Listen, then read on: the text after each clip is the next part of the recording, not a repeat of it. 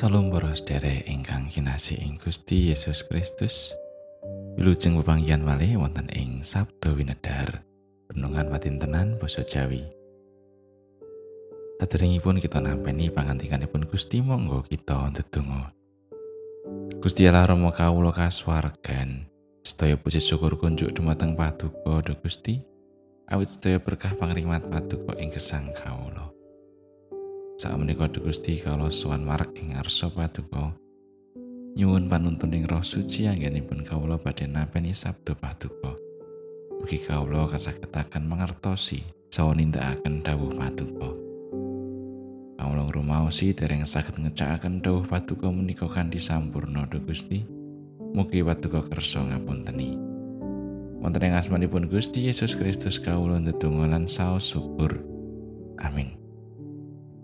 Wawasan kapendet saking kalih Petrus bab setunggal ayatipun setunggal dumugi sewelas. Soko Simon Petrus, abdi sarto rasuli Gusti Yesus Kristus, marang kang padha kaparingan percaya nunggal karo aku kabeh. Margo dening keadilaning Gusti sarta pamarto kita Gusti Yesus Kristus. Sih rahmat lan tentrem rahayu ngluberono ing kowe kabeh. Margo saka anggonmu padha wanuh marang Gusti Allah sarta marang Gusti Yesus Gusti kita. Margo saka panguasane kealahane, kita wis padha kaparingan samubarang kang perlu tumrap ing urip kang mursid. Srana wanuh marang panjenengane kang wis nimbali kita, margo saka panguwase kang mulya lan ngeram-eramake. Kalawan patrap mangkono iku, panjenengane wis maringi marang kita prasetyo-prasetyo kang adi sarta pinunjul. Supaya srana iku kowe padha bisa tunggal kodrat kealahan lan ora kena ing dayaning hawa nafsu kadonyan.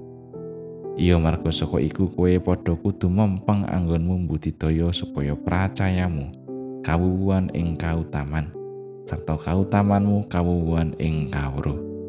Tuwin kawruh kawuwuhan ing pambudidaya ngemudeni diri.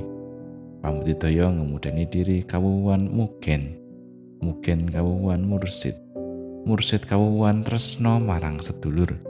Tresno marang sedulur kawuwan tresno marang wong kabeh. Jalaran menawa kowe padha kadunungan iku mau kabeh nganti luber. Kowe mesti bakal dadi mempeng ing panggawe. Sarta banjur metu woi anggonmu wanuh marang Gusti Yesus Kristus Gusti kita iku. Nanging sing sapa ora kadunungan iku mau kabeh bakal dadi wuta sarta cethek panemune Jalaran wis lali menawa dosa-dosane kang dhisik wis dipirat. Mulane para sedulur, tansau mudidaya supaya saya kukuh katimbalan lan pinilih iku. Jalaran menawa nglakoni mangkono, kowe bakal padha ora tau kesandung. Kalawan mangkono iku, kowe bakal kaparingan wewenang sak katoke lumebu ing kraton kang langgeng. yaiku kratone Gusti lan pamarto kita Gusti Yesus Kristus. Makaten pangantikanipun Gusti ayat na saking ayat sedasa A. Mulane para sedulur tansah mudidaya supaya saya kukuh anggonmu katimbalan lan pinilih iku. Menapa kita nate merangguli kawontenan jagat ingkang nembe ketaman angin ageng? Mbok menawi ing antawis kita nate merangguli kawontenan mekaten menika. Nalika angin ageng nempuh ing jagat menika, tentu badhe wonten pangaribawa utawi dampak ingkang kirang sae. Upaminipun kathah wit tugel. Gendeng utawi asbes sami maut mabur-mabur. So mboten wonten setunggal tiang ingkang wantun medal saking griya awit ajrih menawi katerak angin. Makaten ugi ing gesang saben dinten. Dipun ngangganani menapa mboten asring gesang kita menika katempuh ing angin ageng. Angin ing gesang menika mawarni-warni wujudipun. Upaminipun magepokan kalian kawontenan brayat. Penyambut damel kesarasan rogo utawi bapawiatan kita. Mboten namung menika kemawon. Nanging kita ugi nate kasempyo angin nalika kedah nindakaken timbalan saking Gusti. Nalika angin menika nempuh gesang kita kados pun disikep kita. Menapa kita badhe winengku ajrih sumelang Serat kalih Petrus bab setunggal ayat setunggal ngantos sewelas paring pitutur dateng sok sinten kemawon ingkang mau serat menika. Pitutur menapa ingkang kaandharaken? saben tiyang pitados ndarbeni krentek sami budidaya sikep kukuh ing gesang kapitadosanipun dumateng Gusti.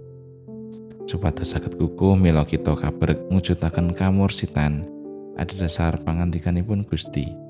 Jagi kasucaning diri, ngendaleni diri, so nanduaken katresnan. Nalika kita tansah kukuh ing salah beting timbulaning gesang, tentunipun sumiyuting angin ingkang banteripun kados menapa kemawon mboten jelari kita ambruk. Awit kita sampun nggadahi tetales ingkang kiat inggih menika kapitadosan dumateng Gusti. Sumangga kita tansah kukuh ing kapitadosan saha timbalaning gesang. Tatemah kita tansah kiat santosa. Sinaosa anginipun mobat mabit ing sakiwa tengen kita.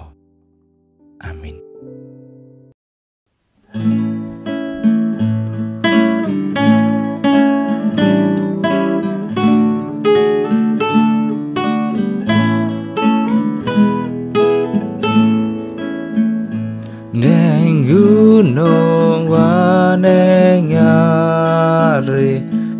Gusti Allah ono.